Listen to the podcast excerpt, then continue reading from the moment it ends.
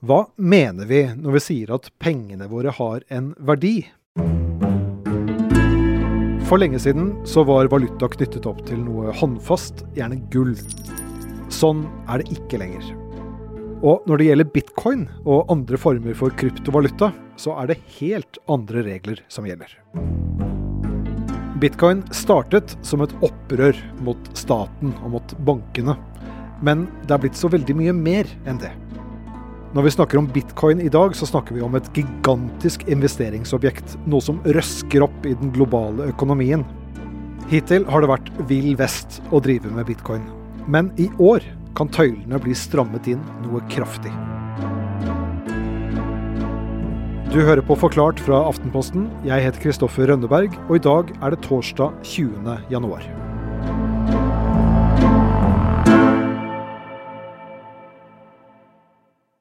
Altså, bitcoin er jo bare én av flere kryptovalutaer. Men den er desidert den aller største. Til sammenligning så er den ti ganger mer verdifull enn den nummer to på listen som heter Ethereum. Anne Sofie Bergwall, du er eh, økonomijournalist i Aftenposten og i E24, og skal geleide oss gjennom dette litt uh, kompliserte landskapet. Hvis vi begynner med begynnelsen, uh, hvor starter historien om bitcoin?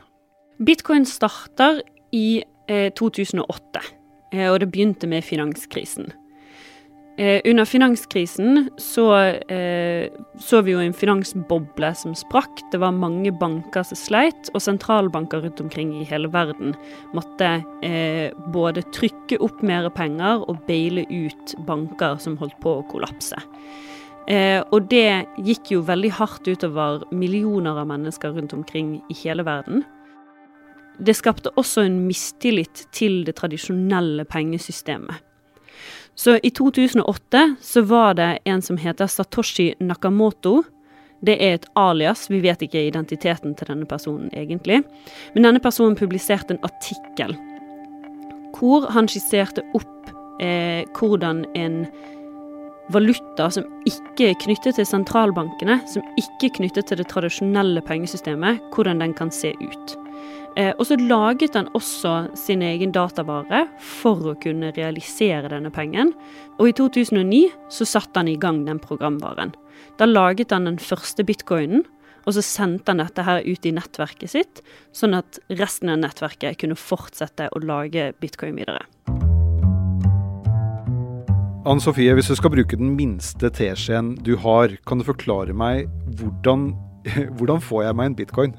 Det er to måter du kan få tak i en bitcoin på. Det ene er at du kan kjøpe den. Og det andre er at du kan utvinne den. Det det innebærer, er at eh, du setter opp en maskin. Det bør være en veldig stor maskin. som kan eh, prosessere veldig mye tall på samme tid. Og det den maskinen gjør, er at den kobler seg til et nettverk av andre maskiner via internett. Og så prøver han å regne ut veldig, veldig kompliserte matematiske stykker. Er det dette som er blokkjeden? Det er dette som er blokkjeden.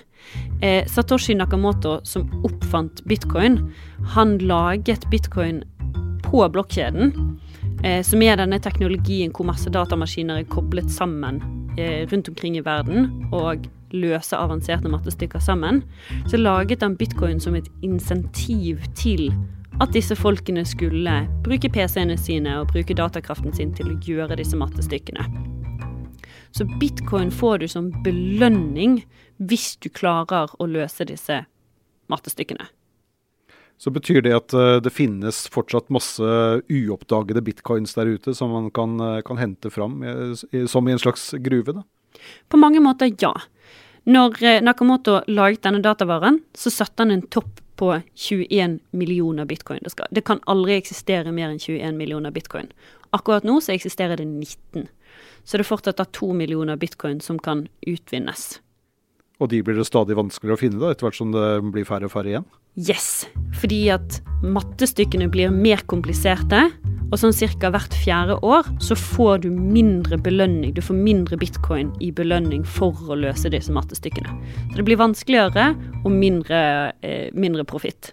Så jeg kan ikke bruke min private uh, laptop til å, til å, utvinne en bitcoin her i dag? Jeg tror det PC-en kommer til å brenne ut ganske fort.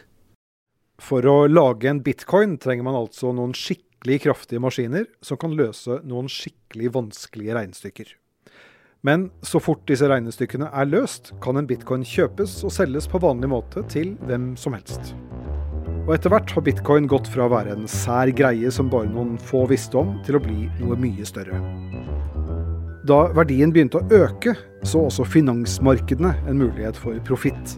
Og i dag kan du handle med bitcoin omtrent på linje med aksjer. Men veien dit, den gikk ikke rett fram. Det var jo en ganske lang tid i begynnelsen der hvor bitcoin var en veldig, veldig smal greie. Hvis du ser på priskurven, så var den paddeflat i mange år. Eh, og var, bitcoin var noe som ja, litt sånn eh, tech-folk holdt på med. Det, det, begynte etter hvert å bli ganske stort i tech-miljøet, men det spredte seg ikke noe særlig utenfor det. Og jeg har en kompis som snakket eh, i 2013 om det at han skulle ønske det at han hadde eh, satt opp en maskin for å mine bitcoin, og angrer veldig sårt i dag på at han ikke gjorde det. Eh, men jeg husker sjøl at jeg tenkte sånn eh, dette her er, dette er en fase. Dette går over. Eh, og så kom 2017, da. Hva skjedde da? Det var da vi virkelig begynte å oppdage bitcoin. Og da, på ett år, så gikk verdien av bitcoin fra 1000 dollar i januar 2017 til at ett år seinere så var den 13 000 dollar. Så den har 13-doblet seg. Men det var ikke i nærheten av den utviklingen som skulle skje seinere.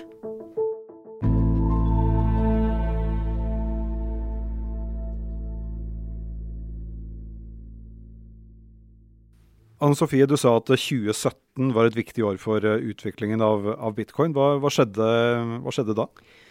Etter 2017 så fikk man virkelig øynene opp for eh, både verdien av bitcoin og verdien av å produsere bitcoin. Så da var det flere som begynte å kjøpe og selge eh, selve kryptovalutaen. Og så var det flere og flere som begynte å sette opp sånne her datasentre. Eh, og det tok virkelig fart eh, etter at Elon Musk i januar 2021 begynte å snakke om bitcoin og hvor bra det var, og lanserte det at man kunne kjøpe et snart Tesla ved bruk av bitcoin. Sånn at flere av liksom, de store, kjente investorene begynte å putte pengene sine i bitcoin. Og da begynte det virkelig å ta av. Altså Hvis du tenker det at på de åtte årene som gikk fra bitcoin kom til 2017, eh, så økte den fra 0 til 1000 dollar. Men så fra det til i dag, de neste fem årene, så har han 40-doblet seg. Og denne enorme interessen for bitcoin gjorde at noen av de tidligste investorene plutselig satt på enorme formuer. Samtidig begynte det å bli så stort at det også fikk konsekvenser på internasjonalt nivå. Altså Det førte jo til at det ble veldig veldig mange flere datamaskiner på nettverket. Sant? Fordi at disse mattestykkene blir stadig vanskeligere, så må du ha stadig mer prosessorkraft, som krever stadig mer energi.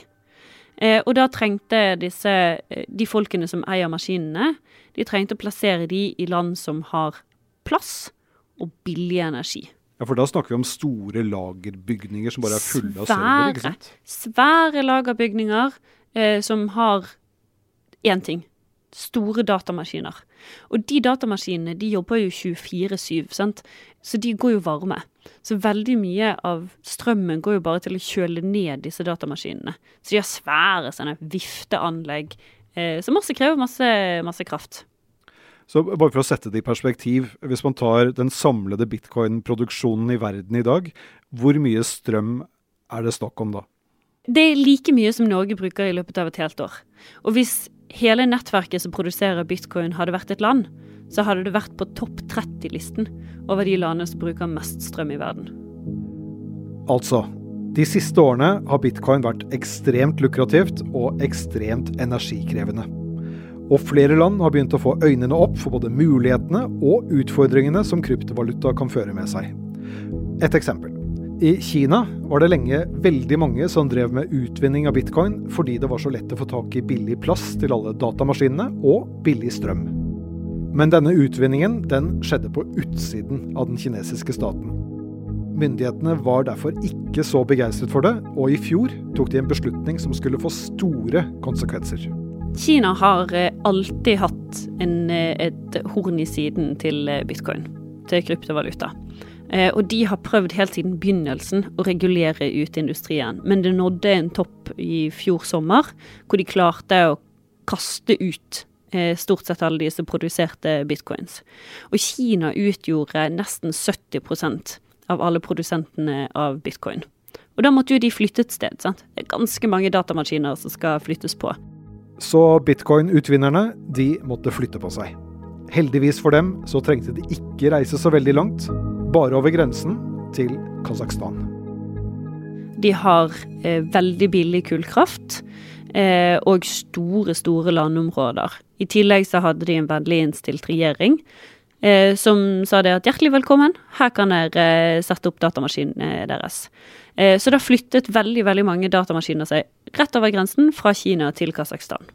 Men så, så, ble det problematisk også i Kasakhstan nå på begynnelsen av dette året. Hva, hva skjedde der? Ja, Kasakhstan opplevde da store eh, strømnedstenginger. Altså De hadde kjempestore problemer med å levere strøm på strømnettet sitt til befolkningen. Eh, og myndighetene mener jo det at det bl.a. er pga. at eh, disse bitcoin-utvinnerne overbelastet strømnettet. Så da gikk de inn for å regulere hvor mye strøm bitcoin-industrien fikk lov til å bruke. En ting som kjennetegner energiproduksjonen i både Kina og Kasakhstan, det er hvor den kommer fra, nemlig kull.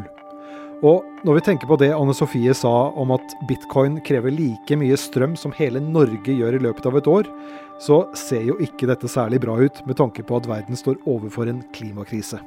Overhodet ikke. Eh, og det er det veldig mye av diskusjonen har gått i eh, rundt produksjonen av bitcoin. At den er basert hovedsakelig på kullkraft. Og så er det jo noen som vil si det at eh, USA, som er den største produsenten av bitcoin i dag, at det er bra at folk har flyttet til, til USA, for der har de så mye renere kraft. Men faktum er jo det at flere selskaper som utvinner bitcoin, har jo sørget for å gjenåpne kullkraftverk eh, for å produsere bitcoin.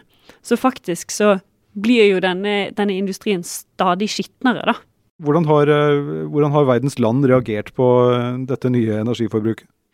Det er flere land som har uh, innført reguleringer.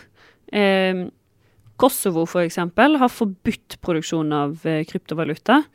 I USA så har de nå satt ned en, en høringskomité som skal diskutere eh, energiforbruket til eh, kryptoindustrien.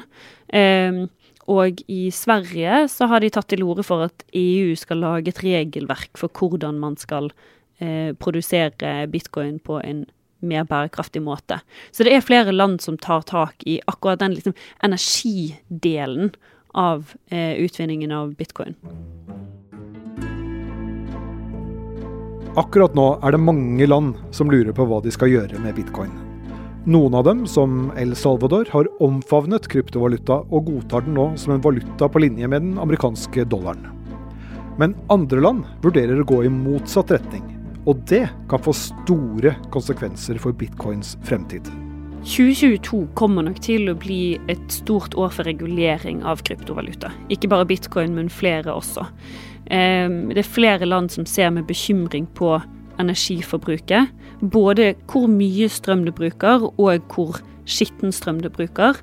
Eh, så land som USA, Kosovo, også EU, ser nå på muligheter for å regulere eh, eh, av bitcoin i en mer bærekraftig retning. Hvis dette er et slags anarkistisk opplegg ute i det store internettet som er basert på kryptering og alt dette, hvordan i all verden kan man regulere den formen for valuta? Det er veldig vanskelig å regulere det som skjer internt med selve valutaen, på samme måte som Norge kan ikke regulere hva USA gjør med dollaren. Men vi kan regulere eh, forhold knyttet til det å kjøpe den valutaen. Sånn, vi kan f.eks. skattlegge kjøp og salg av bitcoin med eh, norske kroner. Eh, så selve liksom, finansbiten av det, der, det, der er det rom for eh, å regulere noen deler av det.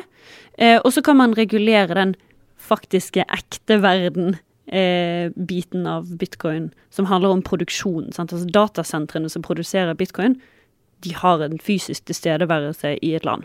Eh, og da kan de landene velge å regulere eh, hvor mye energi de får lov til å bruke, prisene de betaler for energi, og om de i det hele tatt får lov til å være til stede i landet. Anne Sofie, jeg skjønner jo nå at jeg, i likhet med alle andre, skulle ha kjøpt uh, de bitcoin jeg fikk tilbud om for, for ti år siden. Uh, men vi har snakket da om liksom, vill vekst og mye energi, og at det kan komme på kant med klima, klimautfordringene. hvis vi skal si noe positivt om, om bitcoin, hva ville du trukket fram da? Jeg syns jo det at den idealistiske versjonen som ligger bak bitcoin er veldig spennende. Det at man har full åpenhet rundt alt kjøp og salg. At man ikke kan eh, flytte penger uten at du kan eh, sjekke det. At, man, at, teknologien som ligger bak bitcoin er kjempe, kjempespennende. Jeg snakket f.eks. med noen som eh, fortalte det at selskaper kan begynne å bruke blokkjede for å publisere åpne kontrakter. Altså Det er så mye åpenhet og potensial som ligger i den teknologien som blir veldig veldig spennende å følge med på fremover.